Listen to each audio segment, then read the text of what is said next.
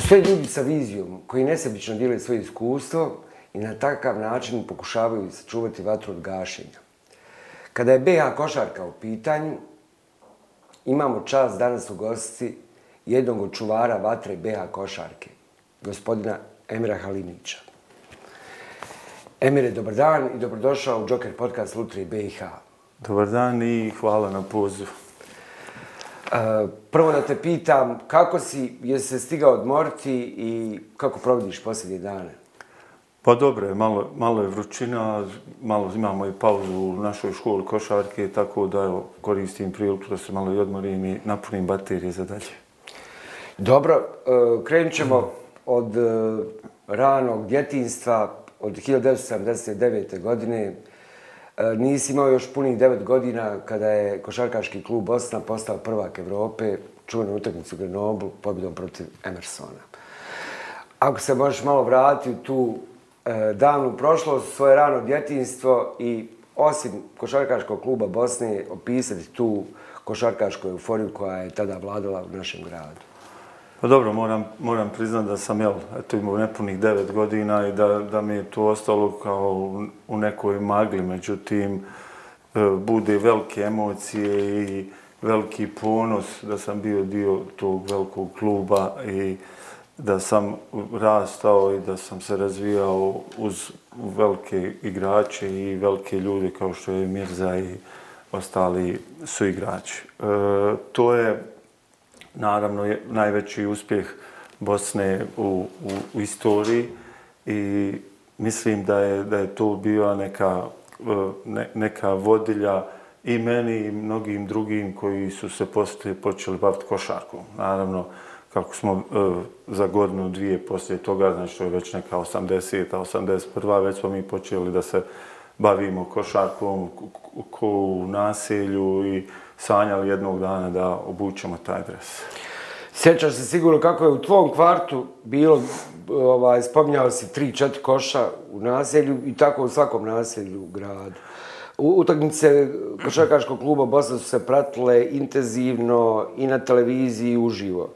Sjećamo se svi eh, koji imamo toliko i više godina, jagni za karte, pogotovo kad se utakmice igralo malo u dvorani, ali i velika dvorana je bila puna.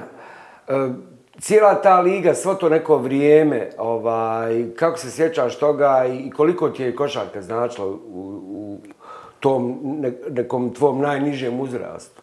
Pa recimo, to, to je karakteristično bilo za moje naselje, kod takozvanu plavi nebodiri ovdje prema stadionu Koševo, e, a pretpostavljam i znam da je bilo i u dosta drugih naselja da se igralo kao što smo mi igrali. Mi smo recimo subotom i nedeljom svaki vikend koji je bilo fino vrijeme, međutim nama nije nekad ni vrijeme smetalo, uvijek su bila četiri koša na garažama.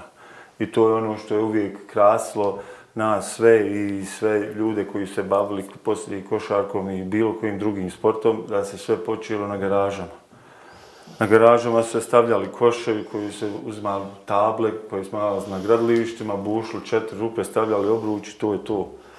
Znači, nisu bili uslovi, kao što, što se danas jako puno spominju, ne valjaju uslovi, ne valja ovo, ne valja sjećaš ono. Se, oprosti, sjećaš se i varenih obruča, prije nego što su bili oni u Sloveniji športu da se kupe? Sve smo mi to upravili, mi smo, mi smo bili neki entuzijasti, volili smo sport. Kad vam kažem da smo recimo u naselju, pored košarke, da, da smo imali futbalski klub, derbi se zvao, koji je igrao sa Višnjikom, s Bjelavama, s Koševom. To su bile utakmice tamo gdje je onaj sada put koji ide prema bolnici, tamo je bila livada između fakulteta i naših nebodira, tu je bila livada i tu je bio, tu je bio naš stadion, tu smo mi igrali, imali dresove, kupovali kopačke.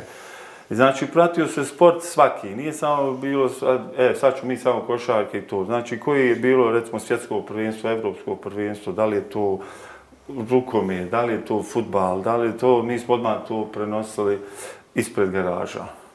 Znači, moram jednu anegdotu još da kažem da smo jedan bilo, da li je svjetsko ili ne znam, evropsko u boksu, mi smo napravili boks meč, mala raja, nas, mi 11-12 godina s onim velikim rukavicama, lafo se nešto tučemo i mislim to su ljudi bili na balkonima, navijali isto ko da je, možete znam sad danas djeco od 10-11 godina u buču, stavi rukavice velike i kao ima... Nažalost ne možemo. Govorimo, Nažalost. govorimo o vremenu bez kompjutera, be, bez e, telefona i svi ti neki stvari koje krase i neodvojivi su dio današnje mladeže. Ovaj, pratio se svaki sport što ti kažeš. E, ti ja se znamo ko mala raja sa skijanja ovaj, e, kad se ti, već je bilo, kako smo išli kroz sistem tog skijaški, pa ono, početnik, pa napredna, pa pretakmičar, takmičar, ti si to sve isto prolazio. Je li e, e, činjenica da se odluči za košarku bila to što se odjednom izžikljao ili, ili si razmišljao šta bi bilo bolje čim, kojim sportom ti da se aktivno počneš baviti? Pa znači mi kao neki, neki klinci smo, prvo što je kod nas u nasilju, živio Rahmetli Musamić. To je nama, on je nama bio idol. Pa je onda bio i Fuad Muzurović. Znači, bila je neka sport, sportsko nasilje i svi smo mi kroz njih kroz njih težili da jedan dan budemo tu gdje su oni bili u tom trenutku. Ja sjećam i kad je Muzurović bio trener u Prištini, pa je dolazio Fadl Vokri, pa su dolazili svi ljudi neki u, u goste kod njega, tako mi smo stajali ispred zgrade i gledali i čekali. Znači, imali smo neki svoj san. E, što se, što se tiče košarke, ja sam negdje počeo tako sa 11 godina, možda malo, malo ozbiljnije u raj, naravno. Prvo sam bio na zadnjem košu gdje su najmanji, pa sam se onda pomirao prema starijoj raj. E, a aktivno sam počeo trenirati 82. i to je moj prvi ulazak u KK Bosnu. U Bosnu sam ušao preko Bosnine lige, koju je Bosna naravno organizovala. E, koja je držala sve škole u gradu Sarajevu i svaka škola je imala košarkašku ekipu. Mi smo svake sedmice igrali utakmice i gdje bi Mladen Ostović dolazio sa Notesom, to je moj prvi trener, gdje je dolazio sa Notesom i upisivo djecu koja su interesantna iz koje škole. Naravno, ja sam igrao za Miljenko Citkovića, I to su bili zato doba naš velike, velike, velike stvari da mi igramo protiv, ne znam, Vuka škole, protiv, ne znam, škola, sad ne mogu se ni sjetiti imena, ali uglavnom mi smo živili za taj dan kad igramo školsku utakmicu.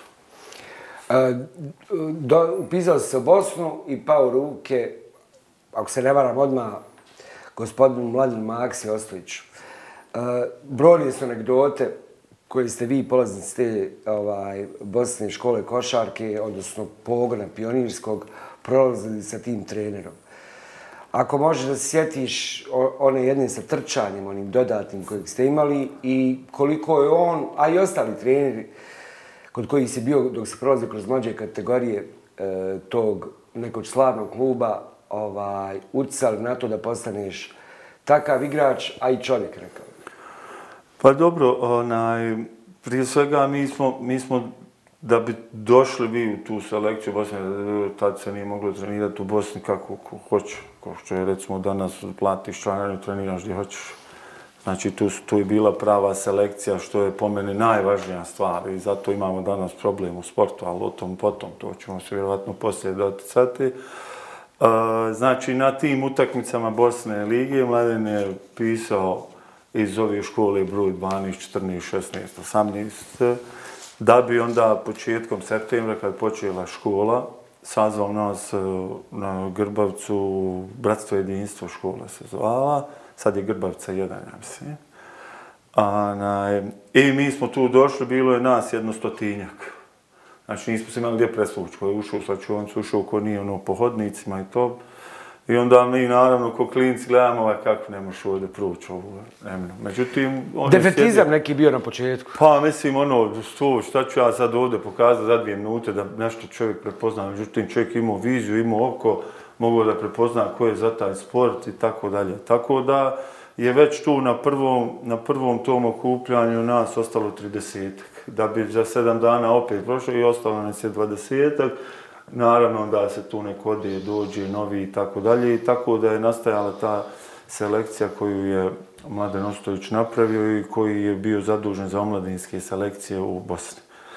Ono što je meni ključ da, da je nas Mladen e, vaspitao prvo kao, kao sportiste, kao možda, možda buduće igrače, ali ono što je jako bitno da, da je gajio i taj ljudski, ljudski onaj instinkt da budemo ono ljudi prije svega, da poštujemo i starije i druge, tako da ja mislim da je to u Bosni bila najveća, najveća ono, kvaliteta.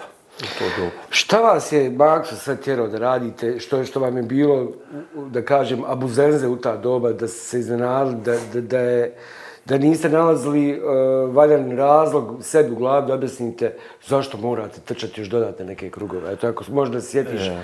nekog konkretnog primjera. Pa recimo mi, u, u naše vrijeme nije, nije, nisu bile lige ko što su danas, ove kantonalne lige i tako dalje. Mi smo igrali neke turnirske, turnirska takmičenja da bi tu odigrali dvije, tri utakmice preko vikenda i onda smo imali dva, tri, dvije, tri nedelje da on, naravno, popravlja ono što nije valjalo, a uopšte ništa nije valjalo, jel?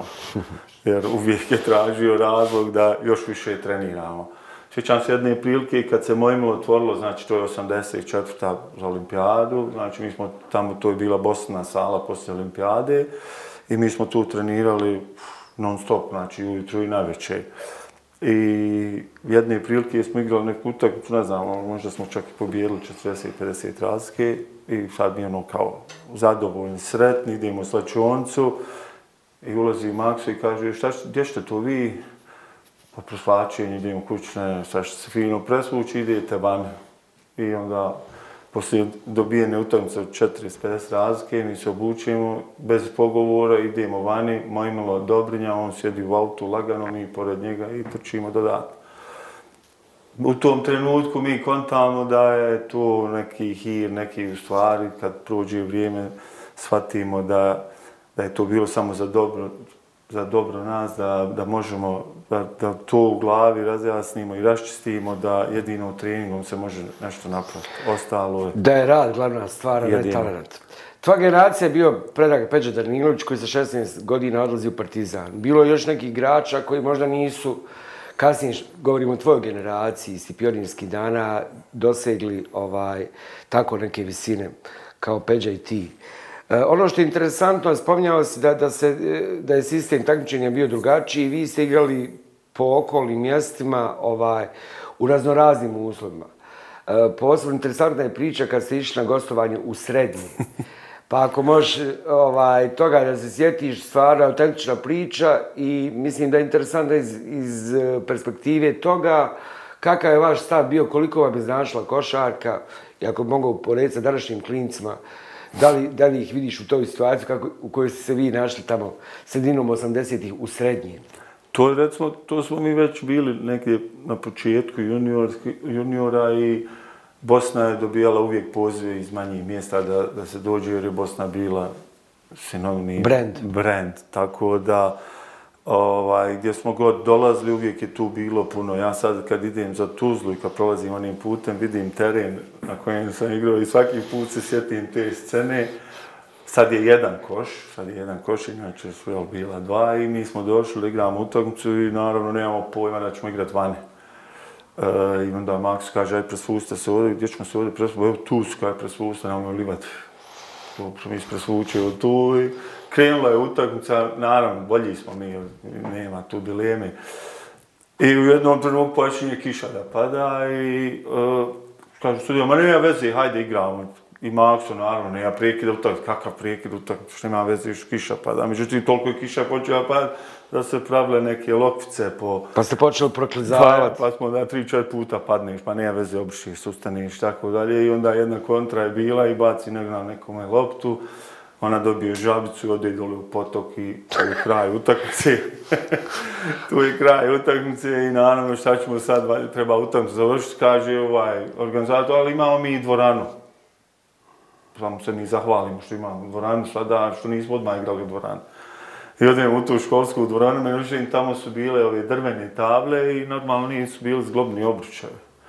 I naravno mi sad ulazimo u salu i sad čeka se prvo da i ti ljudi dođu svi na, u dvoranu. I sad mi kao zagrijavamo se, u stvari mi se sušimo od kiše. Znači, trčiš tamo, suši se, onaj dres je ono mokro i tako dalje. I no, des puta čovjek govori koji je doma, nemojte zakucavati slučajno da ne puku obruč od ta. Nećemo, nećemo. I onda, naravno, koji vina, ko 16-17 godina, najpametniji. Merak, zakucat, samo tako. Najpametniji, sad ću ja nju zakucati, jedan ovaj, kolega zakuca i ostanem obruč u ruci. I znači, od te utakce nije bilo ništa, ni dan danas još nije završeno. Ona, iz tog perioda, je- jel te iz tog perioda krasi ovaj, uh, interni nadmog baš raje, splavi nebodira, popivoda? Iako može to ona, evocirat, da se zvali malo popivoda raje iz kvarta baš. A nije to je kad je, vjerovatno ovi stariji se gledalci i, i sjećaju As, onaj čas, o, Jes, prva žuta štapa BiH. Jeste, koji se čito ovako, to su one velike bile novine i tu je izašla s naših treninga, to je već u seniorima, kad je Popivoda došao iz Nikšića i onda to slika je, ja još ne znam ko je bio, onda dole su napisali Popivoda i to, i onda to Raja isplavi, ne bude Raja, znam i ko tu Bila je priču... tvoja slika, potpis Popivoda, Jeste, tako? jeste. Ja znam ko tu priču gura. Pa dobro, jedan od preostalih članova te raje. Jeste, jeste. A, pet godina je nekako prošlo uh, u tim mlađim selekcijama i 87. ako se ne varam, si debitovao za prvi tim. Uh, kako si se osjećao u tom trenutku, jer ono, odrastao si na Bosni, trenirao u Bosni, bio u klub, involviran sa svojih 12, 11, 12 godina i došao je taj dan da debituješ u tada super jakoj, e, pa možemo reći slobodno i najjače Evropskoj ligi u to vrijeme, e, prvoj ligi bivše Jugoslavije. Pa ja bi se malo vratio nazad. Onaj. I ja sam uvijek imao neke snove i, i kao mali, jeli, kad sam prvi put ušao u Skandinaviju, ja sanjao da se skim za prvi tim Bosne i mogu završiti sve. Da, da mi je to neki bio cilj, da u malu uđem u ranu, da budem prvotimac i što se mene tiče, ja sam sve završio. E, međutim, kada sa 16 godina, dok Danilović nije prešao u Partizan, mi smo zajedno išli na, u, na pripreme kadetske reprezentacije Jugoslavije. I već tu čovjek sa 16 godina počinješ već razmišljati da ipak je trebalo ući u uži krug e, od 22 milijuna stanovnika, koliko je Jugoslavija imala i kakvi su timovi bili u to doba Da. E, da dođete na pripreme tamo među 15 najboljih i onda tu sad već čovjek počinje razmišljati, malo ambicije već rastu. U međuvremenu sam imao neku i povredu skočnog globa koju sam operstao sa 17 godina. Međutim, i to mene nije ništa osputavalo, ja sam imao svoj cilj, ja sam znao da ću se oporaviti, to ću idemo dalje i tako da samo sam dalje nastavio trenirati sanjao svoje snove koje sam dosanjao ali ne bi vjerovatno došao nikada do toga da nisam bio uporan, da nisam dobro trenirao, da nije bio dobar sistem Bosne. Ja vjerujem da ne bi došao do tle. 87. 8. Evo, znamo kako se kretala ta raspodjela snaga u toj super jakoj ligi. E, koliko su napaljeni bile i manje sredine poput Čačka, Eh, košarkaški manje Skoplja, eh, ne znam, nekog Valjeva, Zadra, Šibenika, mislim, eh, kakve su atmosfere vladale u tim dvoranama. Ako možda se sjetiš ti nekih, te neke prve sezone kad si debitovao, tvoja posljednja sezona pred odlazak u tadašnju JNA koji je bio obaveza sa 18 godina, pa kakva su bila prva iskustva. Dobro, skinuo se, e šta sad dalje? Pa dobro, ovaj, šta, šta me još ono, po- da kažemo, poguralo da se borim, da, da, da to nekad osanjam je i ona utakmica u Šibeniku. 83. Jeste, to je, recimo, ta, ta mi je utakmica ostala u sjećanju, ja mislim, dok sam živ, da ću je pamtiti, jer mi smo mala raja i poslije gledanja na televiziji, onako, kako se je završilo, mi smo dole svi, svi su išli i plakali. E, I dan danas, i dan danas ljudi u Šibeniku, ova, imam dole prijatelje, Još. ne priznaju. Ne priznaju. Oni priznaju da su, da su oni u pravu i da je Šibenka prvak, a mi ovdje ne damo reći, Pa dobro, mi mislimo da smo mi u pravu. Ima, tamo piše sve zapisano, nek svak vodi kako jest. Da, da, da, da. da je onaj, međutim, taj, takva utakmica ostala u onom, onom sjećanju, pogotovo zbog pokojnog Dražena Petrovića koji se faktički te godine i pojavio i Da, počeo da radi ono što 19. jest, počeo da radi ono što je radio. Međutim, da je radio se mi smo ga gledali, tu je već još bio neki novi uzor, pored Mirze naravno. Sad dolazi njegovo vrijeme i onda smo sanjali isto da jednog dana vraćamo mi to vama nekad. Tako da to nas je još više guralo da idemo u, u prema, prema prvom timu. Dosanjan je san tako da, da sam tamo prije, poslije, poslije vojske, da sam već bio u, prvom timu sa 17 godina, da sam tu nešto se vrtio, nekad se skinješ, nekad se ne skinješ, međutim, poslije vojske su onda sam počeo dobijati priliku koju si sjedio, čekao vrijebo kao mladi igrač, radio starijim igračima šta je trebalo, i čekaš svoje minute, dvije da uzmeš. E, moramo se dotaći tog služenja vojnog roka. E, bilo neki kombinacija da se odgodi vojni rok, pa, pa si ti ipak otišao. E, bio si artiljerac, par mjeseci u Rijeci, nakon toga u Karlovcu. Šta se... E, ova, interesantno si imao ovaj, zaduženje u Karlovcu. Šta si bio, molim te, u vojsi u Karlovcu? Pa prije svega ja sam oč... Mi smo, Bosna je, jel, išla po velikim turnirima za omladinske selekcije. Prirata je stvarno bio, Bosna je brand bio. I mi smo bili u borbi na turniru sa, sa Cibonom iz bivše Jugoslavije, mi Cibona, ostalo bile sve evropske time, Aris, Pauk, Scavolini, ne znam, još neki italijanskih ekipa i tako dalje. I ja sam na tom turniru bio najbolji strilac, najbolji igrač turnira. Izgubili smo u finalu dva razlike e, i naravno ono odmah se čovjek otvori, e super, sad ću ja da upišem fino fakultet, Nećeš morat odmah u vojsku. Tako je, upišem div fino. Neću ići odmah u vojsku, iću tamo sa 27, ko zna šta ću biti do 27. I Kao što je bio. Onaj, međutim, kad sam došao u, u, u Sarajevo, uprava jel, kluba i su, su me zovnili na razgovor i rekli, eto, mi smo odlučili da ti sad odeš u vojsku. Mislim, meni je to bio prvo šok poslije takvog turnira, da, da, tako, da se tako igrao, ja sam smatrao da, da, su, da prati se sve i da sljedeće godine dobijam priliku onu koju sam očekivao. Ja. Međutim, primili smo u vojsku, onda sam poslije skontuo, pa dobro, možda i to je ok. Završim to odmah sve sa 18 i onda poslije sam miran.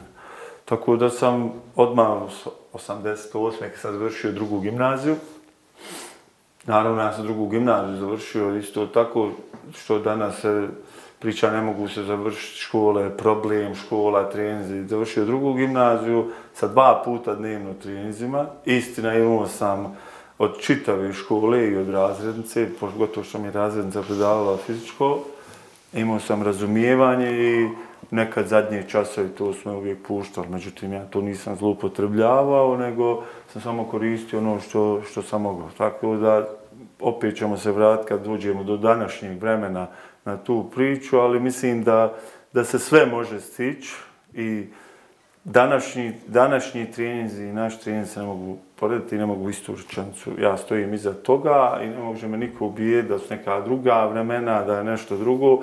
Ja znam kako smo mi trenirali i koliko smo trenirali. Tako da sve može stići. E, e, a za ovo, ne reće mi za fotograf. A, a za vojsku, jeste, ja sam dobio poziv, ja sam ovako, onako za artiljerca se ubio i poslali smo u rijeku da budem artiljerija i dođem u kasarnu i sad ono, iznad je rijeke i kasarna, sve one haubice 155, dobro sjećam, one velike, kako, sad ću ja ovdje, nam ovdje, međutim, ja sam od Bosne dobio uvjerenje da će to biti sve u redu, kao u redu je. A mora se guštera Mora se mora gušter da se rep skrati, pa onda. I kad je prošla obuka i sve, ja sam dobio prekomandu u Karlovac. I kad sam došao u Karlovac, naravno odmah sam, čim je završila obuka, dobio sam dozvolu da svaki dan u dva sata sam slobodan, da izlazim iz kasarne, da idem na treninge, da imam život po maltene kuće, sam što ne možeš igrati utakmice. Znači, trenirao sam svaki dan. Karlovcu je bilo super, ali, ali čime se bavio dok si bio u vojsu Karlovcu, to malo što si ja imao obaveza. Ja, Nisi ja više bio haubičar, nego si bio šta? Ja kad sam došao tamo, kaže Halimić, ja izađem jedinu ja i još jedan, ako vojnik nas dvojica, šta, šta ćemo mi, kaj vi ste fotografi? ja kažem, ja kako vam fotograf, kaj vi ćete biti zaduženi da snimate panorame za ove haubičare. Odlično. Zadužim dva kofera, dva aparata, lagano na teren i tu, tu. malo slikam i... David Attenborough. Međutim, Malo slikaš prirodu gdje će vježba biti. Je, tako? slikam tamo planine, brda i... Savršeno. Savršeno, odlično. Za mene idealno, završim do dva sata sve, trening i to je to. Nakon godinu dana završio se taj vojni rok, ovaj, vrati se u KK Bosna. Umeđu vremenu se desila neka smjena generacija u klubu. E, klub je, dok si ti bio u vojsi, stigao do polufinala Kupa Radivoja Korača. Rekao bi posljednji veliki međunarodni uspjeh Bosne prije rata. I e, odšli su neki igrači, Emir Mutapčić, e, Zdravko Radulović, e, Dževdo Alhođić. I tebe je čekao dres sa svetim brojem 12 svi građani Sarajeva, svi danjači košarkaškog kluba Bosne iz tog vremena znaju što znači broj 12 na leđima uh, tog bordo dresa. Kako se osjećao u tim trenucima, znajući da ćeš dobiti taj dres koji je nosio veliki Miza Delbašić? Pa, ovako, prije, prije svega da, da se još malo vratim, da prije vojske sam ja potpisao ugovor s Bosnom na četiri godine, jer sam morao potpisati prvi profesionalni ugovor. Naravno, ja sam taj ugovor potpisao u go papir.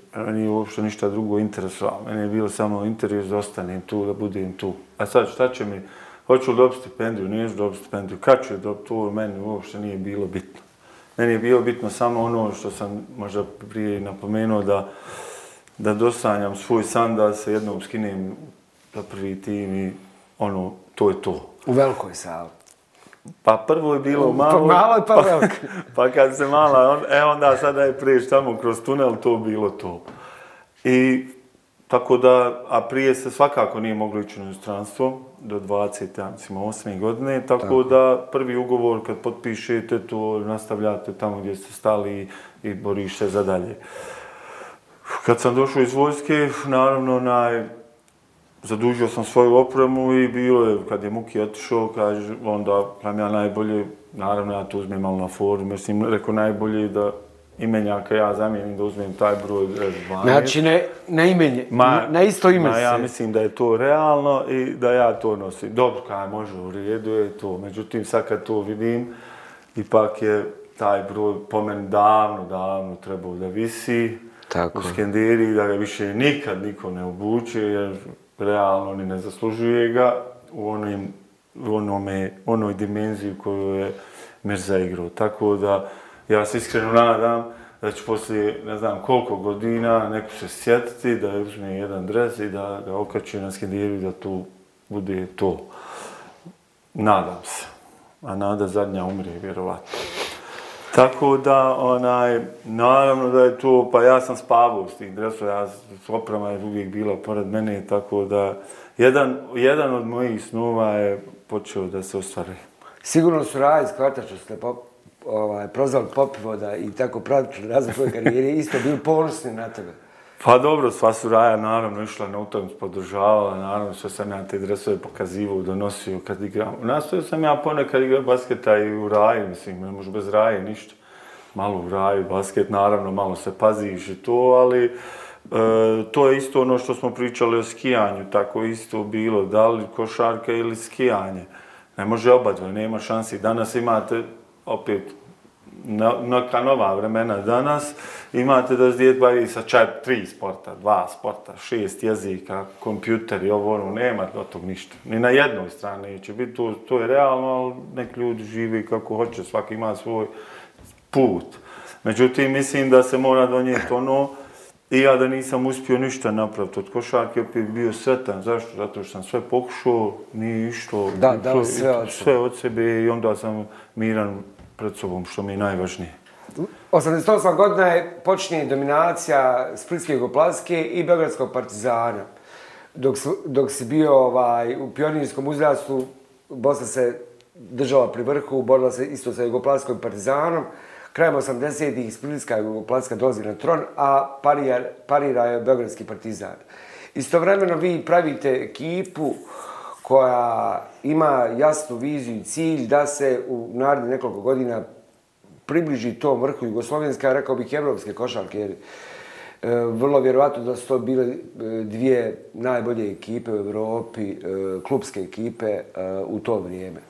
Kako se sjećaš tog perioda i šta vas je guralo prema tome da, da, da nastavite raditi punim intenzitetom, iako nije bilo trofeja i velikih uspjeha u tom vrijeme? Pa i sad s ove tačke, naravno ove moje generacije, tvoje, jel, kad, kad vidimo da smo imali veliki potencijal, iz kojeg razloga, recimo, kad uzmijete da je Danilović bio tu, da je Radulović bio tu, Dževdo Alihođić, Dobraš, Alibegović, Avdić, to su malo stari, stari, pod navodnicima stari godinu, dvije od nas. Tako. Da je onda Neno dolazio, da je Firke bio tu, Mujanović, da sam dolazio ja kao, ja i Firke kao naj, najmlađi u toj generaciji. Mislim da smo tu, da je ta generacija ostala, a to je bio i cilj Bosne, da idu stari igrači vani i da sad onda to... Naravno, to je jedan proces koji traje, to ne može preko noći. I mislim da je bila dobra vizija i, i, i, i, i dan danas mi je žao što nismo uspjeli da ostanemo u toj ekipi i mislim da bi napravili velike stvari. Sigurno, jer imali smo, tu smo već imali dva, tri starija igrača, mi koji smo dolazili, tako da onaj, mislim da bi ta ekipa napravila čuda.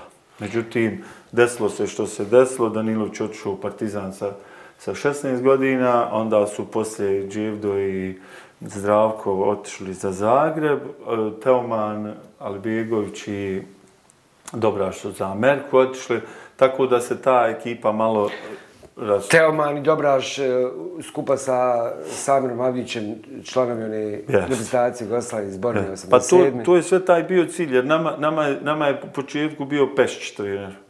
Pa poslije Pešća je došao Karalević, pa poslije Ibro Krijević, pa Mirza Delbar, pa mislim, to je sve bilo uvezano i to je bio taj, vjerovatno bi bila to ekipa koja bi mogla ući u borbu sa Jugoplastom, ja sam obližen u to. 1991. počinje rat u Hrvatskoj, odnosno prvo u Sloveniji pa Hrvatskoj, počinje rat u bivšoj e, Jugoslaviji, sve se raspada. Posljednja sezona, 9-1-9-2, vi ste e, se plasirali na Final Four e, završnice Kupa Jugoslavije, koja se igrala u Nišu. Odlazite tamo na turnir, već je ovdje vrlo opasna situacija, vrlo ozbiljna. Dobili ste zvezdu u polufinalu i u finalu izgubili od Partizana. Pri povratku kući se dešava početak rata u Sarajevu, pa ako možda sjetiš malo e, tih teških trenutaka i tog nekog šoka i nevelice koje je vas kao sportiste, kao ljude koji su posljednji, rekao bih, vjerovali da neće to da se desi, odnosno nisu razmišljali o tome kako ste to proživali. Pa evo kako smo proživili, ja recimo ta sezona pri, to je bilo negdje, to je maj, to je maj pred, pred rat. Mi smo tu sezonu igrali, sa, u, još igrala Srbija, Crna Gora i Makedonija. I mi svaki put kad smo se vraćali preko Romanije, poslije utakmice se vraćalo, bude u Narmaniji 1-2, ako nešto, nam već je uvijek neke bile kontrole. Međutim, ono, vide Merzu i to je u redu. Sad, mi, mi, mi smo se stalno pitali kako se ovo kontrola, ko su, šta je ovo, nemam pojma. I ono, ajde, ba, policija nešto kontroliše i najveće i okej. I došlo, došlo, je, došlo je do, do tog finalnog turnira u Čajru, na Čajru. I bilo je tamo sve pripremljeno da finalna utakmica bude Zvijezda Partizan. Pa naravno, možda su oni planirali, ali mi smo se nešto pitali u tom trenutku. Što je tu interesantno, e, Zvijezdu je vodio Dule Vujošić. Da. Sad kad nekom kažete da vodi u čovjek zvijezdu, rekao da, da, ne zamislio. Ne zamislio, total. Međutim, čovjek je vodio i mi smo i dobili, mislim, tri, četiri razlike. To je bio šok tamo za sviju i naravno nama je, znali smo mi protiv koga igramo tamo, jer su oni prvaci u Evropi posle toga. Znači, od Đorđevića, Danilovića, Paspalja i tako, mislim odlična ekipa, nema tu šta. I izgubili smo to i... Međutim, sav taj ambijent u dvorani je meni malo nešto bio... Nešto, Šuhvel. Nešto mi nije baš bilo potamano, ali eto, završilo se, dobro smo mi dalje i nazad. I sad valja ujutru nazad za Sarajevo i naravno nema linija avionske, nema ništa. I sjećam se dobro da je bio neki mali avion, da li od, od Mrake i Marića, ovako neko poslo. I mi smo došli malim avionom u Sarajevo gdje su nas dočekali barkade. I to je to, to je zadnja utakmica. Da, i kreće prokleti rat i, i, i kreće e, nekako priča koja je ovekovičena e, prije par godina u filmu Nevjerojatno putovanje, filmu koji su uradili jedan talijan argentinskog porijekla i jedan španac koji je prethodno živio par godina u Sarajevu. Film koga nije gledao, a dostupan je svima, nalazi se na YouTube-u, ovaj, zaista na, na jedan nevjerovatan način priča uh, o toj uh, nezabilježenoj avanturi koju ste imali vi kao reprezentativci netom oformljene košakačke reprezentacije BiH i o vašem odlasku na uh, od, prvo izlasku iz opkoljenog Sarajeva, pripremama u Hrvatskoj, Sloveniji, Italiji i kasnije e, u odlasku na kvalifikacijani turnir u Poljsku, parameteranske igre u Francusku i na kraju na Evropsko prvenstvo u Njemačku. E, kakva su, kako je došlo do ideje da se snimi taj film e, koji zaista, da ga ne prepričavamo, sada govori sve baš u detalje o tih prvih nepunih godina dana e, opsade Sarajeva i vašeg života u njemu i organizovanja i same ideje da, da, da, da se napravi reprezentacija i da se pokuša otići na tako jedno takmičenje kao što je prvenstvo Evrope? Pa dobro, mislim da je, da je prvo ideja je došla tako što je mene kontaktirao Alvaro, to je jedan od režisera i uh, Eh, htio je da napravi sa mnom, pošto on između ostalog i novinar u, u Španiji piše za časopise, neke sportske i tako dalje, i htio je da napravi neku analizu uh, naših zlatnih kadeta. Mislim, eh, ja sam tu odmah rekao, to su djeca koju sam ja skupljio i radio s njima tri godine i koji su mi uzeti mjesec dana prije prvenstva Evrope. Tako da ja o tome stvarno želim da razgovaram, niti me dotiče to, to neki koji su radili, njima na čast i oni nek daju o tome. I onako kroz priču sam mu rekao i dao mu neku ideju kad me budeš htio slušati, kad budeš imao vremena, imam ja priču za tebe. I sad on me pitao kao kakvu i ja sam imam počeo tu naš prelaz, prvo naše treni, naš život ovdje godinu dana. Svi mi znamo šta je bilo, kako je bilo, ne mora nama niko ništa objašnjavati naši treninzi ovdje, mi smo i tad trenirali.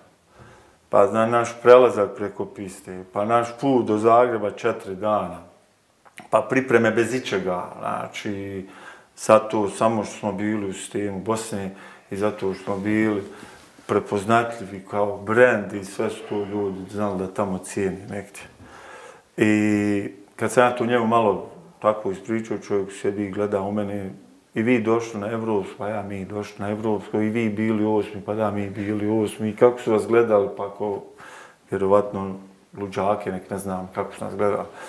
A, naj, I ostalo je na tome, ja sam to njemu ispričao, rekao, kad budeš imao vremena, sam ti mene zovni i pričat ćemo. Međutim, postoji jedan uslov, odmah što sam ja rekao tada, da samo može doći u, u, u, u opticaj ono što je bilo i samo istina ostalo, dodavanje, oduzmanje, mene stvarno ne interesuje, meni ne treba ni publicitet, ni ništa, tako da e, meni može zaboraviti, ja bi ispovisto. Ne, ne, kaže, onako identično kako je bilo. Ok. I tako je on meni, sad ja kontam čovjek, ma, gdje on ima vremena sad da mu ja pričam te dogodoštine razne. I sutra dan mene čovjek zove i kaže ja volio da sjednemo, da se dogovorimo, da ja krenem u projekat. Ako ti dozvoljavaš, što ja imam dozvoljavaću, ja sam rekao samo jedan uslov je taj i drugo ostalo ti radi što hoćeš. I tako je krenula priča, tako smo se uvezivali sa igračima koji su bili. Sreća pa smo, pa je naš Dino Rahmetl Bilalović, e, e, na tom evropskom i kad smo to krenuli da, da treniramo, imamo video kameru gdje smo mi to i snimali, eto što je uspjelo da se i prenese i na film i tako da ostane jedna uspomena po meni. Ne zato što ne, nemam ja toga, niti, niti, ali mislim da, da ljudi trebaju da pogledaju film, pogotovo djeca koja se i baviti sportom. Da se vidi uh, vel, jaka je poruka filma. Mislim, mislim čak da bi se trebali neka predavanja praviti i educirati od nastavnika fizičkog pa nadalje. Znači, velika je poruka filma i toplo preporučujem ljudima koji do sad nisu pogledali, neka pogledaju.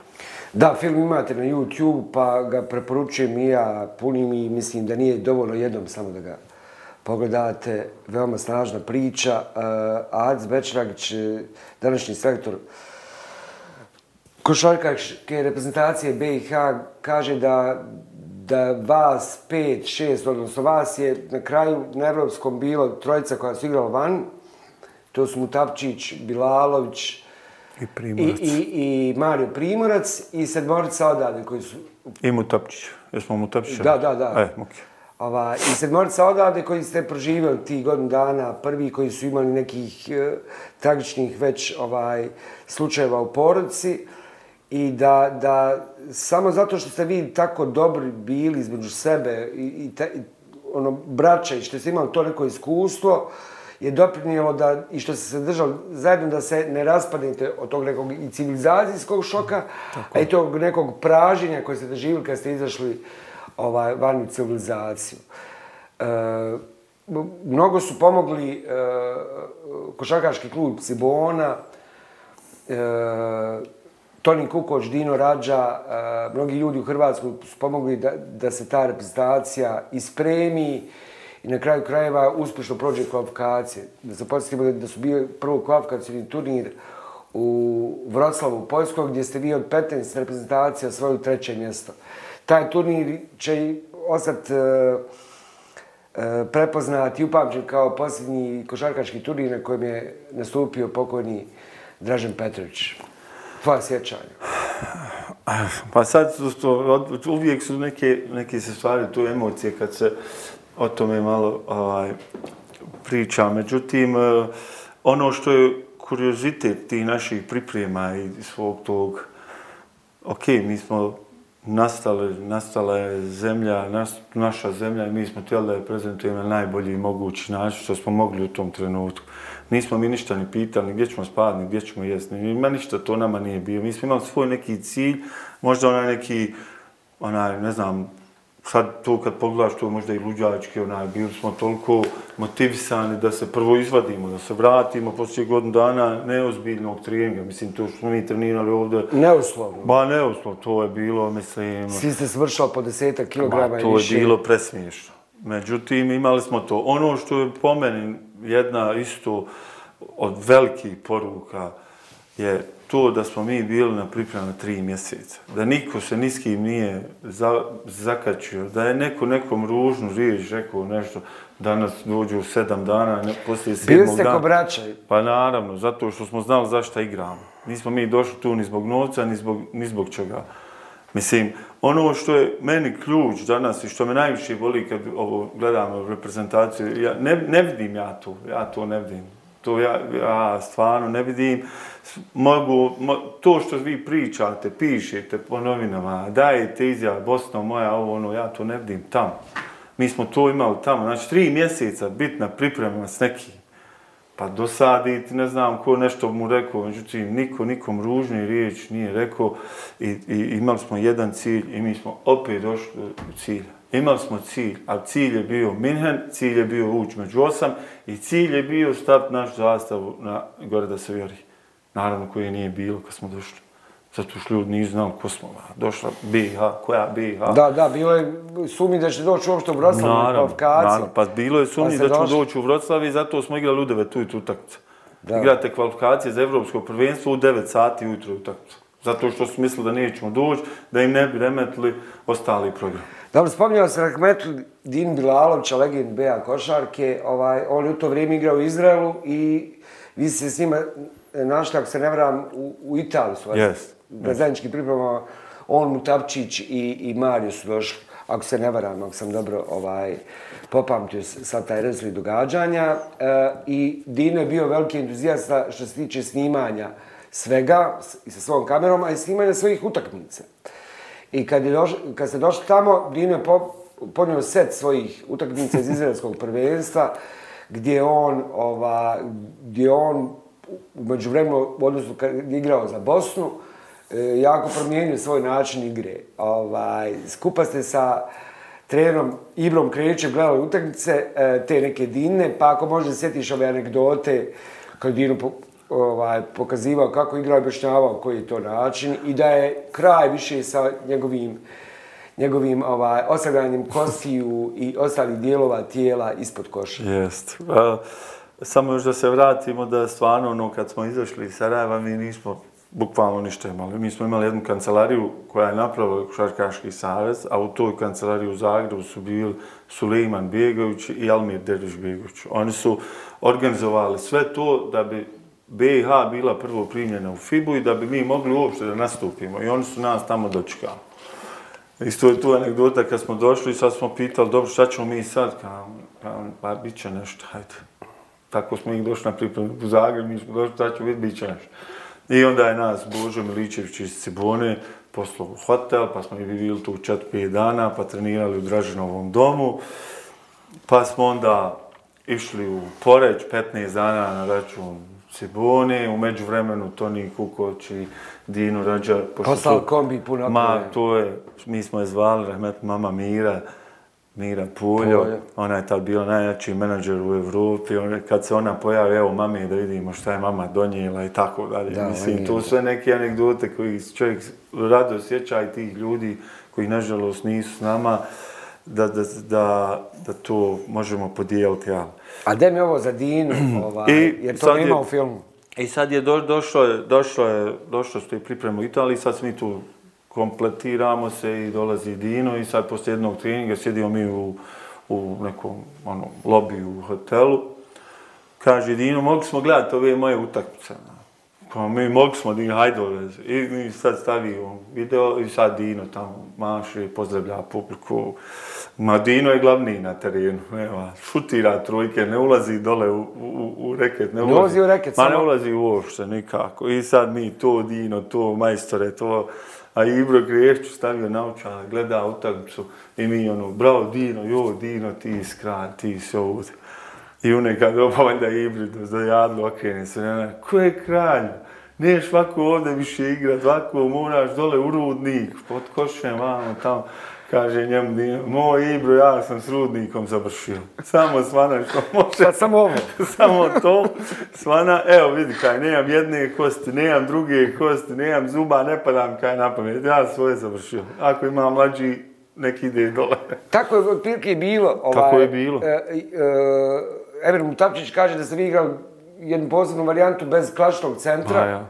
Dino će na kraju na, na tom evropskom prvenstvu gdje se stiglo do osmog mjesta, što je i dan danas najveći uspjeh BA košarke na evropskim smotrama. Ovaj, Dino je postao prvi strijelac tog turnira, a Mario Primorac je bio treći strijelac. Mario Primorac bio treći, bez jedne utakmice, ali on je bio prvi. Mislim da, da mislim, znam ste vi danas da neko da bude najbolji strilac u, u pionirskoj selekciji, pa, pa ne bi s novina izlazio. Mislim, to se mora poštovati, to su stvar koje moraju biti vječno zapisane i da se taj čovjek spominje. Isto Mario Primorac, čovjek je treći strilac Evropskog prvenstva.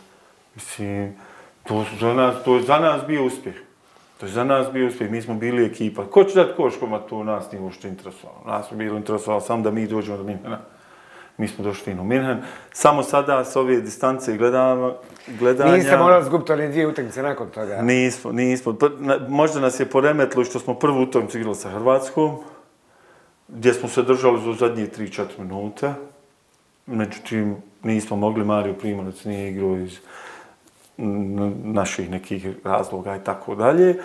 Ali onaj, možda sad s ove distancije smo kiksali što nismo dobili Estoniju i možda bili peti, ali smo mi već bili tu ispražnjeni. Mi smo već tu bili gotovo tri mjeseca priprema, e, prvenstvo, jedno, kvalifikacije, druge kvalifikacije, veteranske igre. Veteranske igre, tu, tu ste izgubili u četvrt finalu Tu smo izgubili u četvrt finalu. Inače, te veteranske igre su poznate u Montpellieru, yeah. 93. poznate po tome što je naša ženska reprezentacija osvojila zlatnu medalju. A izgubili smo zato što ja izgubio zadnju loptu, tako da, da sve to zna. Protiv Italije. E, Protiv Italije, e, znači pošte. pogrešan pas i izgubimo pola koša i to je to. Međutim, kažem, možda smo mogli taj korak još jedan napraviti, međutim, ono, bili smo na nuli kod toga. Dobro, kako god, to je rezultat koji još jedna reprezentacija poslije vas, eh, Bosne i Hercegovine, nije uspjela da ponovi ili nadmaši. Vidjet šta će biti. Dobro, završilo se Evropsko prvenstvo u, u, u Njemačkoj, osmo mjesto, eh, veliki uspjeh. Eh, vi ste već i prije samog prvenstva nekako dobili instrukcije da bi najbolje bilo da, da potražite klubove i da ćete tako, igrajući i trenirajući normalno, najbolje prezentovati BA košarku i biti spremni da se odazovete e, pozivima u reprezentaciju za naredne izazove. Ti se obreo u Turskoj. Kako je došlo do toga i e, ako nam možeš ispričati, e, tri godine si proveo u Izmiru, e, par epizoda iz Izmira, pošto taj grad ova, ima vrlo vatren e, košarkaški gradski derbi. Pa dobro, nekako vizija Saveza je bila da mi poslije Evropskog prvenstva, naravno ko uspjedne naći klub da ostane, da igra, jer su odmah brzo bile druge kvalifikacije za sljedeće Evropsko, tako da je imala smisla ta priča da se nastavi. Tako da ja sam vrlo brzo po izlasku i po, kad smo počeli trenirati, počeli igrati neke prijateljske utakmice, dobio poziv da idemo u, u Tursku u Daršafaku. E, Došao je Erman Kunter po mene, to je legenda turske košarke koji igrao 15 godina za Bešiktaš, bio reprezentativac i imao sto i nešto nastupa za reprezentaciju Turske i došao je sa idejom da ja dođem u, u Istanbul. To je za mene tad u tom trenutku bilo bila nepoznanica totalna, jer ipak u to vrijeme nije turska košarka bila na ovom nivou na kojem je danas.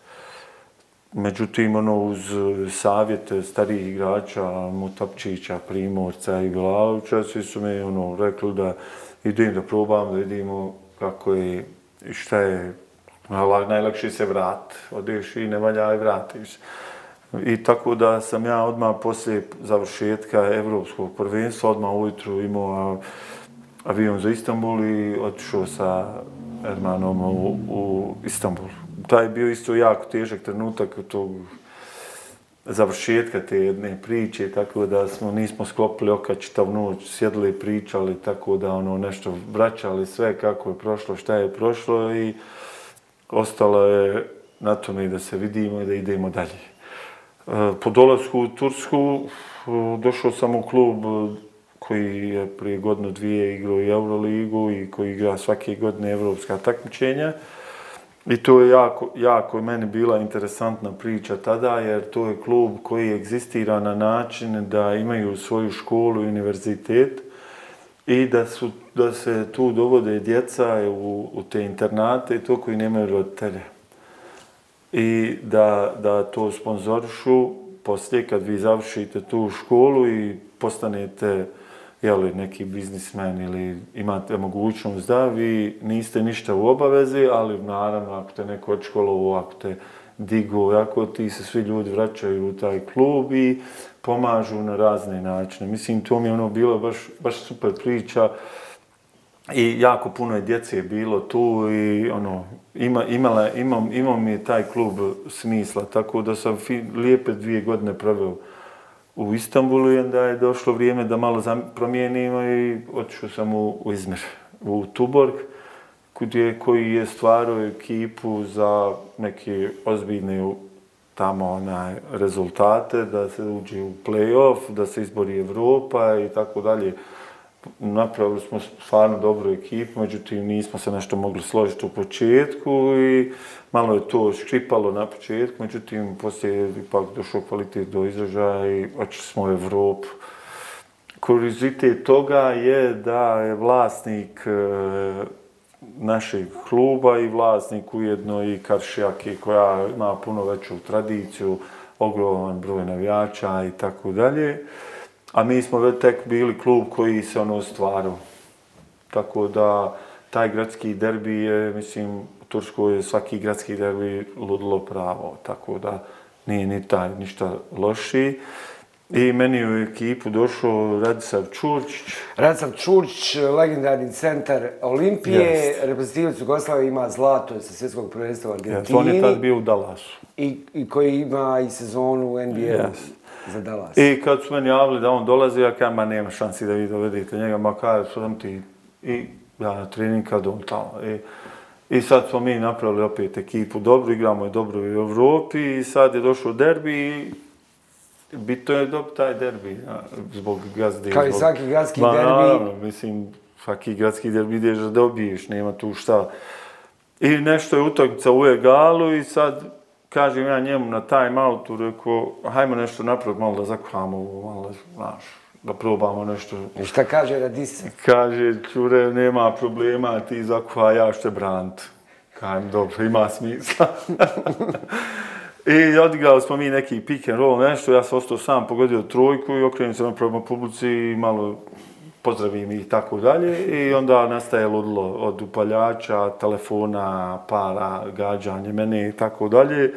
Međutim, ja odmah pobignem do čureta, sjednem s njim, kajem, e, sad ti, a sad ti, mene, vadi, kako ćemo se izvući iz ovoga? Ma nema problema. ma. I to je haos u sali sad dolazi specijalna jedinica oko terena, naravno da ne bi ko ušao i tako dalje.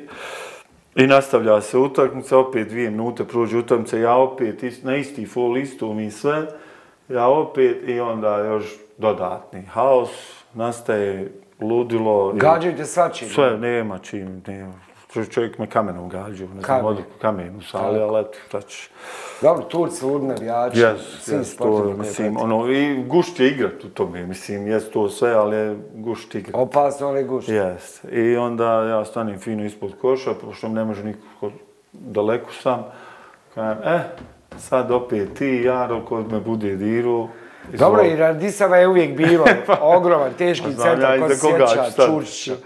Tako, i onda je naravno delegat otiru u publiku sve i sad završilo se utakmica, dobili smo mi utakmicu i sad viće meni fizioterapeut, on, ja mislim da je za tebe najbolje da ti ideš kod mene. Jer vi, ti, Ja- ja- čure, stanujete u kvartu gdje su... U Karš, Karšjaka, kvart se zove Karšjaka, i znači i svi navijaju za Karšjak, niko drugi ni za što ne navija. I tu stanuješ, Je, a je. plaziš se navijačima Je. kojima zabijaš tricu. Jeste. Kaj meni je najbolje idemo mi u suprotni kraj, ja skroz na drugi kraj grada i u četiri ujutro odem kući.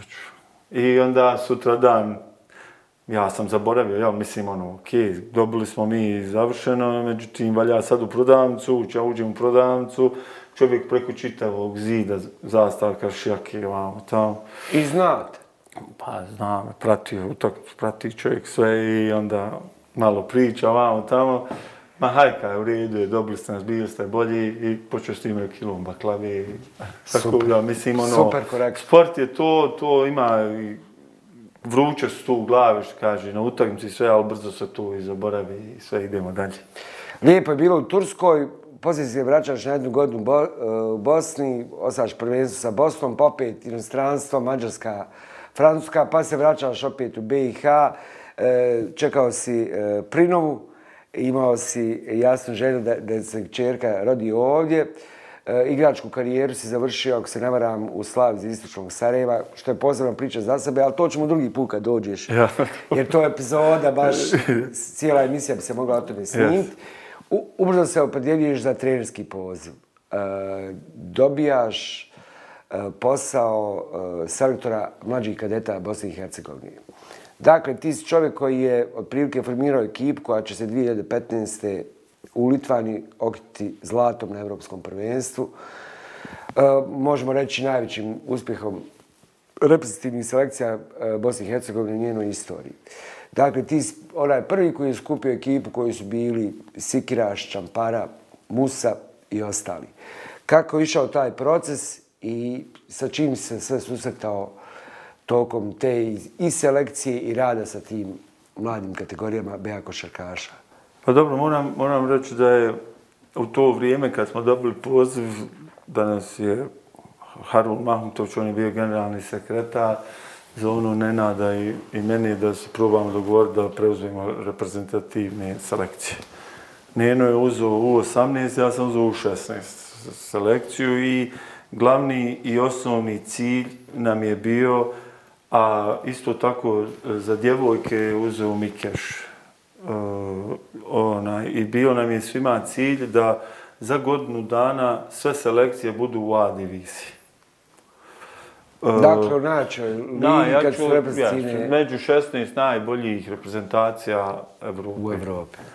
Uh, krenuli smo sa, sa, sa stvaranjem tih, tih ekipa i sa, sa raznim selekcijama i uspjeli smo sve da uvučemo, da svi budu u A diviziji. Sve selekcije. Znači i u 16, u 18 i djevojke i muški svi su bili u A diviziji. To je po meni jako bitno zato što djeca moraju od 16. godine da počnu da igraju jake utakmice. Ove ovdje mi što igramo utakmice po kantonu i 40 km tamo vamo, to realno nema veze, mislim moramo biti realni, nema veze sa utakmicom kad vi igrate protiv Francuske, protiv Španije, protiv Rusije, Hrvatske, Srbije, ne znam, Slovenije i tako dalje. Znači, naša djeca moraju ući u taj sistem, ako naravno mislimo dobro reprezentacije. E, da bi prošli kadetske selekcije te, da bi prošli u 18 i nažalost ono što je najgora stvar, ja imam svoje mišljenje i stojim iza toga da je najvažnija reprezentacija u 20 koju mi nemamo. Iz kojeg razloga mi nemamo i zbog čega to tako, ja stvarno ne dolazim u politiku savze kako razmišljaju, tako, jer nisam tamo i ne mogu o tome da pričam.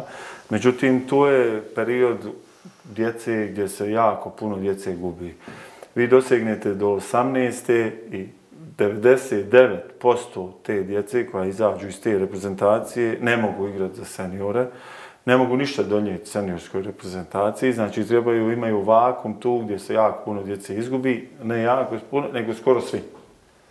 I znači, Primjer je ova naša reprezentacija. To, to ćemo doći na, na to, ali hoću vam kažem da u, u 20 je reprezentacija jako bitna. To je kao neka, da kažemo, B reprezentacija, iz koje bi selektor sutra trebao, kogod da je selektor, nije bitno, sad u kom slučaju Ades, da bi mogu da probere nekog momka koji ima 20 godina, ako ništa da mu može dobro trenirati, da stiče iskustvo sa ovim reprezentativcima. I to Savez, ako misli dobro, košarac mora podhitno da, da pokrene. E, znači, sve su nam bile selekcije. U, tako vam je isto i u ženskoj košarci, sve ove djevojke što su bile pored Jones, pored Jones, koja je vrhunska igračica i tako dalje. Znači, sve te djevojke su prošle i u 16, i u 18 i došle do seniorskih reprezentacija i to je bio taj kostur.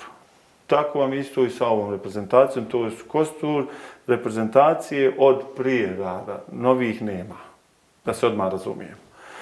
Kako se možemo tu razumjeti, evo prije nekoliko dana je završeno Evropsko prvenstvo za dječake u 18, gdje smo završili 14. u B, B diviziji, što, boga mi, meni nikako ne daje nadu u neku svijetlu budućnost košarke. To su činjenice. Daj Bože da griješim. Da li je do selektora, da li je do odabira igrača, da li je do organizacije. Isto ne mogu da sudim jer nisam dio toga i ne znam kako se to tamo dešava. Mislim, mogu da pretpostavim, ali to ću ostaviti za sebe, jer rezultat sve govori rezultat sve govori. Ono što je bitno, znači, hoću da se vratim na to da smo, kad smo krenuli u tu organizaciju i kad smo imali svoj plan, imamo svoj cilj, to je A divizija, sve selekcije, e, da je za tri godine ta reprezentacija stvorena, ovi su bili u A diviziji, ovi smo bili prvaci Evrope. Kako su bili prvaci Evrope? Jednostavno. Napravili smo dobru selekciju, tu sam bio ja prvi, a iza mene su još imao tri, četiri čovjeka koji su bio moj staf i koji smo mi zajedno radili. Nisam sam radio i nisam rekao, ej, ovaj je taj. Ja sam donosio zadnji odluku, ali sam sve naravno radio sa ljudima koji su gledali djecu i po drugim kantonima i u drugim gradovima, pa mi davali signal, ima ovdje dobar momak, ima ovdje. Sve smo mi to dovodili, probavali. Mi smo imali tri, četiri turnira godišnje, vrhunske turnire. Mi smo išli na turnir, u Tursku koji je u februaru, februaru nekad bude, januar, februar, gdje je isto kao svjetsko prvenstvo. Svjetsko prvenstvo i vi tu na tom turniru odmah možete da vidite šta možete očekivati od svoje reprezentacije. Ja sam tu odmah znao da ćemo mi uzeti medalju sigurno, to je bio februar. I zašto? Zato što sam ja godinu dana prije toga, isto ja divizija bila, za godišta 9-8 i 9-9. Znači 98. i 99. godišta, e, ja sam vodio četiri igrača koji su bili 99, znači mlađi, a to je Musa, Sikiraš, Čampara i Čerkezović. To su četiri igrača. I jedan mi je falio tu, kojeg sam planirao isto da uzmem, to je bio mali Lazar Mutić, koji je u tom trenutku u Real Madridu. Pa naravno da što uzeti djeti koji je u Real Madrid, mislim, onaj ko misli da je lako u Real Madridu, nek proba otići i vidjet će kako će proći. Znači, to mi je bio plan da petorca. Znači, od petorce ja sam imao četvorcu. Znači, to je meni već bio kostu reprezentacije za sljedeću sezonu. A šta dobijam s tim? Ogromno iskustvo djece. Jer su već jedno, I to nisu oni išli na to evropsko prije gdje smo mi završili osmi. E, nisu išli da popune broj ili da, da budu ne, neki... su bili kompetitivni. Nego vodili igru. Ja nisam musu vadio iz igre. Tako, Kamo, ja. Samo kad dijete kaže, ja ne mogu više, haj sad sjedi odmor. Inače, nema šta, šta će vad dijete, nek igra. Tako da, da je to sve bio plan da šta sam uspio na tom turniru smo uspjeli dovesti Lazara u sljedećoj sezone, znači već je bila kompletirana ekipa i ja sam sada sa stručnim štabom svojim sjedli smo to u Turskoj, ja im kažem 100% uzmam medalju, samo pitanje koju naravno treba malo nešto da se potrefi, posreći da pogodite zadnji šut, tako dalje, tako dalje. Znači, bilo, imali smo kvalitet, to se vidilo na tom turniru i bili smo ubijeđeni. Međutim, desilo se šta se desilo, meni su zamijenili u maju nekad, a prvenstvo je u junu ovako bilo. Od me to, to neću da onaj, nema potrebe da to govorim, nego meni je to bio cilj. I meni je cilj i ono bio i uvijek bi bio da igraju sva djeca iz BiH, oni koji su najbolji. Kako se ko zove? Odakle, ko, komu je mama, tata, tetka, to mene stvarno nije zanimalo. Meni je samo zanimalo odnos prema tom dresu, da cijeniš to, poštuješ i da se boriš za njega. Najbolji mi je primjer bio mali uh, Aleksić iz Mrskonjić grada, koji je dijete svaki put dolazilo prvi i na pripreme borio se tu i on meni kaže na preskonferenciji, meni njemu je ponos da igra za svoju zemlju i to, što što meni ta, takva meni djeca su trebala. I to je ono što donosi rezultat. Da. Ovo ostalo imamo šta imamo. Da, imao si primjera širom BiH, razni djeci iz raznih krajeva Bosne i Hercegovine koji su sa velikim zadovoljstvom uh, se učivali da, da prihvate poziv da buku dres tih mlađih selekcija Bosne i Hercegovine. Sad imamo ono što imamo. E, prije nekoliko godina sa svojim kolegama iz Košarkaškog kluba Bosne i reprezentacije Bosne i Hercegovine Gordanom Firćem i Nenadom Markovićem pokrenuo školu košarke pod nazivom GEN. E, kakva je vaša bila vizija, misija, čime ste se htjeli baviti i ako možeš kroz iskustva koja traju već toliko godina rada sa mladima, da nam otprilike približiš kakav je mentalni sklop današnje djece koja počinju trenirati, nastavljaju trenirati kakve su njihove ambicije i koliko je to različito od onoga što ti misliš da bi trebalo da bude ili od onoga kako si ti naučen početkom 80. godina prošlog vijeka? Pa, pa mi kad smo krenuli u priču da napravimo neku školu košarke, bila nam je prva misija daj da to je ono što, što je više, ne znam ni kako bi je nazvao, ono, samo nek djeca nisu na ulici. Mislim da je to više otrcana priča i da, da trebalo to malo promijeniti. Iz kojeg razloga? Da, da bi se trebali više malo posvijeti djeci, da im se što više pažnje pruži, da im se omogući da treniraju, rade i da napreduju. Iz tog razloga smo nas trojica tu došli na ideju da napravimo klub. Njih dvojica se opredijelili da da su ono vani, da tu, a ja sam više, ja volim raditi s djecom, tako da mi ono to u ovom trenutku i odgovara. Tako da sam ja prihvatio to da ja to više vodim i da sam tu. I bila nam je misija da pokušamo da, da onako usmjeravamo djecu kako je mene i Makso, to jest nije samo mene, nego i njih dvojicu, usmjeravao da postanemo ljudi, da postanemo dobri sportisti, bez obzira čega, s čime ćeš se baviti sutra, da, da se boriš, da nema predaje i da do, to neka bude misija svega toga. Da bi neko postao igrač i da bi se bavio profesionalnom košarkom, to je jako, jako, jako težak put, dugačak i bez trpljenja, bez dobrog rada, teško, teško se može doći do, do, do, do nekih rezultata. Tako da, mislim da djeca danas nemaju prvo strpljenja. Druga stvar, imate malo i ambicioznih roditelja koji možda svoje neke neistva, ostvarene želje pokušavaju preko djece. Onda imate isto tako da jako puno djece je opterećeno drugim stvarima. Telefone, to nije da spomnem, to je jedan od globalnih problema. E, da imate djece koja su na dva, tri sporta, na dvije, tri strane, da ide na, na jedan kurs, drugi kurs, jedan engleski, drugi robotika, kompjuteri, ne znam, tako dalje. Onda, naravno, dijete više i prvo što je čitav dan u školi, pa onda još ti kursevi i onda za sport ostane ono kao, eto, to ti je razono, da. A to Ako, ne može tako jednostavno. O to, o to, o, sport tako to, to ne prepoznaje i, i mislim da, da ono, da laganim koracima, nažalost, laganim koracima idemo pre, prema nekom amaterizmu, e, prema amaterizmu, što je za mene ono, ne znam, neki poraz, jer mislim da, da je prvo sport, velika promocija države, velika promocija grada i mislim da bi, da bi sad više ne znam je li, je li problem je to, toliko novac koliko je, naravno da je problem. Naravno da ne postoji ni jedan sistem, vjerovatno kako, kako usmjeravati taj novac da se, da se u, u, da u klub koji ima viziju, u koji, koji zna šta radi, koji naravno u sportu nema rezultata preko noći. Pa sjetite se kad je, kad je Real Madrid doveo Galactico se pa nisu ništa osvojili a bili su najbolja ekipa. Ma, milion je primjera u svim sportovima. Znači, da mora, ima, mora biti vizija, mora biti taj neki sistem koji, koji, koji mi nemamo. Mi nemamo sistema, kogod što drugo misli, nek misli, ja smatram da mi nemamo sistema, da ga nemamo ni u jednom savezu, da živimo danas dostro takmičenja do takmičenja, kao eto, do, kad dođe Evropsko, pa ćemo mi maljaka da se nađe novac, da se obezbije pripreme, pa ne možete vi tada ni utakmice završiti, ne možete se ništa dogovoriti.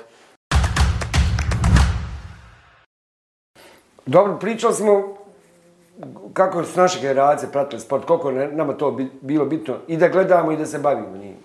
Kako današnja djeca prati sport, gledaju, koliko su zainteresovani, šta je to njima uh, bitno vezano za sport u njihovim glavama, imaš dovoljno iskustva pa da možeš donijeti objektivan sud o tome? Ovako, ja mislim da je sad ima, imamo još tu jedan problem. Znači, u naše vrijeme je bila jedna, dvije televizije i znao da je na drugom programu futbalska utakmica i nismo svi išli Danas, e, ja obično ponedjeljkom, ono, pustim ih jedan, dva ponedjeljka, preskočim, pa onda jedan ponedjeljka, oprostite, ovaj, pitam djecu, oprostite, koju ste utakmicu gledali za vikend? Košarkašku. Naravno, dobijem jedan pogled koji ništa ne... Dobijam pogled koji ništa ne obećava. Pa to da si u školi da keca zaključiš svima, je li tako? Sve mi je jasno. A ja kajem samo, oprostite, molim vas, znači, ove razne televizije, da ih ne reklamiramo i da ne pričamo o njima, znači imaju kompletnu kolo, bude, jedni igraju 12, jedni u 4, jedni u 6, da bi sve se moglo gledati pratiti. Znači, djeca ne gledaju to. Ono što je po meni velika greška je isto tako što previše gledaju NBA.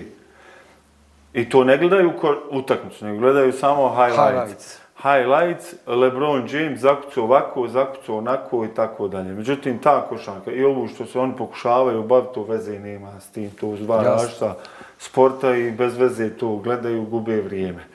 Znači, ja im uvijek kažem bolje gledati jednu evropsku utakmicu, Euroligu, imate ABA ligu, imate domaća prvenstva i tako dalje. Naravno, naše ne mogu domaće prvenstvo vidjeti, jer nažalost nema utakmica na televiziji. Da, to ja mislim jedini jedina... Loše stanje, baš. Što jed... tiče praćenja domaće lige, baš... Pa, evo sad kad bi zaustavljali ljude da kaže ko igra premijer ligu u košarci, ne bi i pola znalo pa ništa. ne... Ne pola, kakvi pola. Mislim, to je isto, to je isto za mene ono... Poražavajuće. Por, poraz, jer, jer djeca moraju gledati to da bi sutra mogu doći i da, da se bavi s tim. Druga stvar, imate jako ambicioznih nekih roditelja koji smiju da su njihova djeca pretalentovana, da je tako dalje. I ja tu obično imam onako fini neki razgovor s ljudima da im objasnim da to baš nije tako. A tako je da, recimo, januaru kad je raspust i tako, kad imaju djeca kad su slobodnija, kad bi mogli trenirati dva puta dnevno, jutro i popodne i tako dalje, onda dođu sa idejom da idu djeca na skijanje 15 dana. Da idu na zimovanje. Pa ja nemam tu... Ne, ja Multitalent. Pa ne, ne mogu ja tu da kažem, brate, me ne možete. Sad, znači, ako ne osjeća to, onda se znači ne možemo baviti ničim ozbiljnim. I onda se opet vraćamo, hajmo, da nije na ulici, sport, zabava, muzika i lagano. To ne donosi rezultat. To su činjenice. Jednostavno. I mislim da je, da je tu, da tu djeca nikako ne mogu da, aha, ja se bavim nečim, idem ne dam svoj maksimum, idem probat. Ne kaže niko da će. Evo, možemo se vratiti na, na, na, na žalost, da analiziramo isto tako zlatne kadete. E, po meni, po meni, prva i osnovna greška koja je tu napravljena, od ljudi iz Saveza i tako dalje, je doček djece ispred vječne vatri. Misliš da je bio previše grandiozan? Grandiozan, to s djeca sa 16 godina, koja poslije tog dočeka, koji su ljudi neki, da bi sebe promovisali, a pola godine, nije pola godine, možda dva mjeseca prije toga nije znali, 90% imena djece koja igraju tu i odakle dolaze iz kojih klubova, da su izvršili svoju ličnu promociju, ličnu promociju, na uštrb djece. Jer to su ipak djeca sa 16 godina, da vi stojite gore na balkonu, da svi nešto... To je previše za njih. Jer to je ogroman teret na ležima. I naravno sada vi kao navijač ili ja peti, deseti, kad, kad tu došao, kad ti nešto... E, šta ti očekuješ da je to tako i dogodno isto? Pa ćemo mi to stalno tako. Međutim, to je zabuta. Jer kad pogledate sada ko danas igra ozbiljnu košarku od djeci koja su bila zlatni. Džanani, ko? Sani? I, i Sani. No, donekle. Pa eto, ovo ostalo, to su činjenice, tu ne možemo pobjeći od toga. To, Misliš to... da je slomno to, taj veliki znate glamur, kako u ostalim to zemljama... 50.000 ljudi? Pa kako nije? Pa, pa znate kako u ostalim zemljama se osvaja titula? Imaju ljudi svake godine ili svake druge osvoji titulu u Francuskoj, u, ne znam, u, u Srbiji, u Litvani. Da. Dođu, popiju da. sok, pojedu to, kolač na aerodromu, selektor da malu izjavu, Imamo kuću. Da, da. E, mislim ja sam potpuno pravo, ali s jedne strane, s druge strane mislim da je, da je, da je problem što je ovdje nacija, pogotovo ova naša ovdje domaća, ajmo reći u ovom gradu za koji mogu reći da znam kako se, šta se, ovaj, kako se e, živi i šta se očekuje, gladni smo uspjeha. I ti ljudi, onaj što su došli da te zlate kadete, su došli su, jer je to prvi veliki uspjeh nakon toliko, toliko godina. Ne možeš ljudima, navijačima, ne, ne, ne, ne, ne. nego onome koji je to organizovao, da je u stvari medveđu uslugu u radu djece. Tako je. Mogu se sačekati lupam prijatelj, neku utakmicu, a, reprezentacije, pa kad bude puna skendirija, pa dođu da pozdrave djecu. To je ogromno, ne, ne, ja daleko od toga da ja kažem da su navijači krivi, mislim, to je... Da, da. Ali, ali ti kažem da, da djeca ne mogu ta, nisu mogla ta, ne mogu seniori te neke velike uspjehe da, da nose, neko ne može, neko, neko podlegne tome. Nažalost, pogledalo je 11 momaka, 10. To je tako. I to su činjenice. Znam ja da su ljudi željni, naravno da su željni. Pa kad nema ništa, naravno da su željni. Da. Naravno. Jer znam ja kako su djeca, recimo, kad smo mi igrali neki turnir, i mi smo prva bila reprezentacija u bilo kojem kolektivnom sportu od rata i od ovih dešavanja, da, da smo pobijedili Srbiju. Znači, prvi u košarci. Da. Znači, djeca, mi smo isto došli u hotel kod da su prvaci svijeta. Ja sam odmah morao napraviti sastanak, haloba, stanba, o treninga, nije tijelo čovjek da igra s najboljim i tako dalje, i tako dalje. Imaju neke stvari kako se djeca spuste na zemlju. Tako je. Mislim, Da iz tog razloga ja govorim, da, to djeca nisu mogla da podne. A onda vraćamo se na našu ligu. Na našu ligu gdje, gdje se dovode isluženi igrači iz Srbije, Hrvatske, Crne Gore i tako dalje. Sad imamo ambicije da dovodimo Amerikance. Pa imamo ambiciju, hajde ti mali sjed tamo imaš 18-19 godina, pa što ti za 3 godine. Šta će za 3 godine? Za 3 godine možeš sam fakultet završiti. Tako je. Baci Pre, košarku. prestati trenirati. Tako je. Znači, mora biti hrabrost. Kakve veze ima u našem prvenstvu bio treći ili deveti? Nikakve. Znači, nik, apsolutno nikakve. Niti se borite za Evropu, niti se borite ništa. Niti se borite za neki nova, ništa. Pa moramo davati djeci šansu. Ja sam u jednom trenutku imao u svojoj školi, ja sam škola košarke, Da. tako, se, tako mi se zove koncept škola, uči djeca nešto. Ja sam imao dvije seniorske ekipe. Jedna mi je igrala u A1, a jedna mi je igrala u A2. Zašto? Da pustim djecu da dobi- dobiju to. I znaš šta se dešava? Moja djeca dođu sa 17-18 godina, tamo su veterani. Tamo čovjek ima dvoje djece, to onaj, tamo oženjeno, onaj. Ma Unuke ja. ima, ona, igra. Protiv očeva igraju. Pa mislim, razumijete, on, oni vode tamo u drugim ekipama, ne igraju mladi, kako će igrati? Tako da je to jedan problem koji... Ma začarani krug. Ajmo za kraj još da kažemo par riječi o A reprezentaciji, odnosno narodnom takmičenju koje očekuje 11. augusta u poljskim Gljivicama se igra se igraju predkvalifikacije za olimpijske igre. Eh, mi smo u grupi sa Portugalom, Poljskom i Mađarskom. Kako vidiš naše šanse, potrebno je da budemo prvi ili drugi u toj grupi, pa se onda okrštamo sa drugom grupom gdje su Česi, Makedonci, ne znam ko još. Eh, kako vidiš naše šanse i ovaj novi sastav, evo konačno će, eh, ako bude sve u redu, za reprezentaciju debitovati košarkaš Minnesota Luka Garza. Pa dobro, sad svako, svako bi kao trener ili kao selektor do, donosio neke odluke, ali s kim bi igrao, šta bi igrao, tako bi ja nekako drugačije možda igrao i na evropskom, ali o tom to nije sada ni bitno. E, šta, šta možemo očekivati? Iskreno da kažem, ne znam šta možemo očekivati.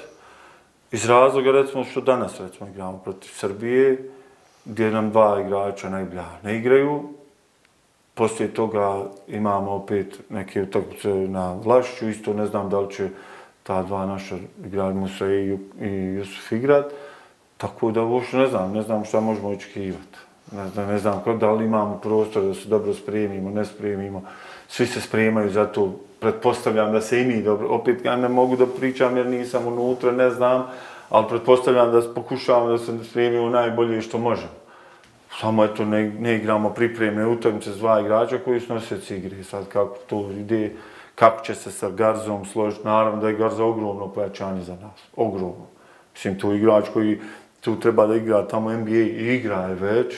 Znači, to je čovjek kojeg moramo iskoristiti. Nažalost, zbog papira Tako e, je. će se voditi kao naturalizovanje. Tako je. I oni ali Begović, što je suludo. Da. Recimo da su oni, da je normalno da imaju naše pasoše, da su imali kod djeca sa 16 godina da su izvadili pasoše, danas bi on bil domaći normalno igrači i to bi odmah bila opet drugačija priča. To bi bili dva kvalitetna igrača. I mogao bi onda, što je već u tradiciji A reprezentacije, zagajati nekog ovaj, Amerikanca e, e, pleja.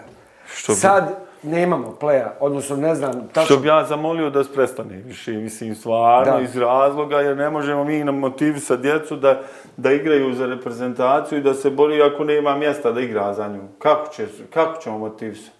Kako ćemo motivisati? Šta smo dobili sa naturalizovanom Amerikanom? Jesmo bili prvaci Evrope? Jesmo, jesmo prošli drugi krug? Famozni drugi Nažalost krug? nismo, evo. Pa mislim, onda je to opet argumenta zašto? Mislim, ne razumijem.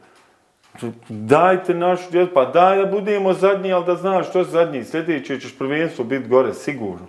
Jer će biti ogromno iskustvo kod ti djece. A ovako ne možemo ništa očekivati. Aj sjedi, sjedi, sam tu da popuni broj, to je to. To je moje viđenje. Pa to vam najbolje pokazuje Španski savez. Pa ljudi svaki godine u svim selekcijama medalju uzme. Je li zlatno, je li srebro? Pa naravno da im nije problem poslije biti u A reprezentaciji. A kako će biti problem? Znači svoje domaće gure. Kroz ligu. Pogledajte, evo malo uzmijete pa kako je Real Madrid osvojio ligu, ovaj, Euroligu. Pa tri, tri najstarija igrača su završila utakmicu. Je li tako? Zadnjih deset minuta. Da. Svi najstariji igrači, španski. Znači, pustimo, dajte da pustimo djecu da igraju, dajte im slobode, dajte im malo... Kako, ne, ne gube djeca moral, nemaju, nisu motivisani. Nisu motivisani i to je najveći problem. Ne samo u košarci, u futbalu isto. Ma u velikoj većini sportova koji, pa. kojima se pokušavam baviti svoje vrijeme. Hajde da zaključimo o tom turniru u Poljskoj da je bolje da igramo, no, jer je bila e, velika mogućnost da, da, da odustanemo od tog takmičenja, što je bilo e, kontraproduktivno sigurno. No, e, to bi prilike bilo sve. Emere, hvala lijepa, mogli bi ovo razvući na još par sati da smo pričali o svim detaljima o tvojoj bogatoj igračkoj karijeri. Ali eto, nadam se da je bilo ovaj, dosta. I šta da ti kažem, želim sve najbolje i sa Genom i sa svim ostalim čime se budiš bavio u svijetu košarke, a i ovako privatno. ovaj, sve najbolje i hvala još jedno. Hvala vama i bilo mi ugodno i, i veliko mi je zadovoljstvo da čovjek može da prebaci neko iskustvo na mlađe i što bi držao za sebe, treba to davati, širiti. Iskreno se nadam da, da ćete kroz ovakve emisije da i vi popularizujete košarku i ne samo košarku, nego sve sportove i da naša djeca više osjeti da su nešto bitno i da krenemo nekim boljim stazama, da možemo sutra ići na stadione, u dvorane i da uživamo u gledanju naše, prije svega djece i da nam bude ponos i da možemo sutra nadati da će nam reprezentacija biti dobro. Iskreno se nadam. Bio je to Emir Halimić, čuvar vatre BH Košarke. Na stranci Lutrije BiH u igri Pogodi 13 možete prognozirati parove koji se odigravaju u tekućoj sedmici i osvajati sedmične i mjesečne bonuse. Moja prognoza za ovu sedmicu je sljedeća. PSV Šturm Graz 1. Braga Bačka TS 1. Benfica Porto X. Burnley Manchester City 2. Nica Lille X. Sevilla Valencia 1. Newcastle Aston Villa X. Marseille Rams 1. Bayern München Red Bull Leipzig 1. Atletic Bilbao Real Madrid 2. Chelsea Liverpool X, Hetafe Barcelona 2 i Fenerbahce Gaziantep 1. To je bila moja prognoza, a u narodnoj emisiji ćemo vidjeti koliko sam bio u pravu.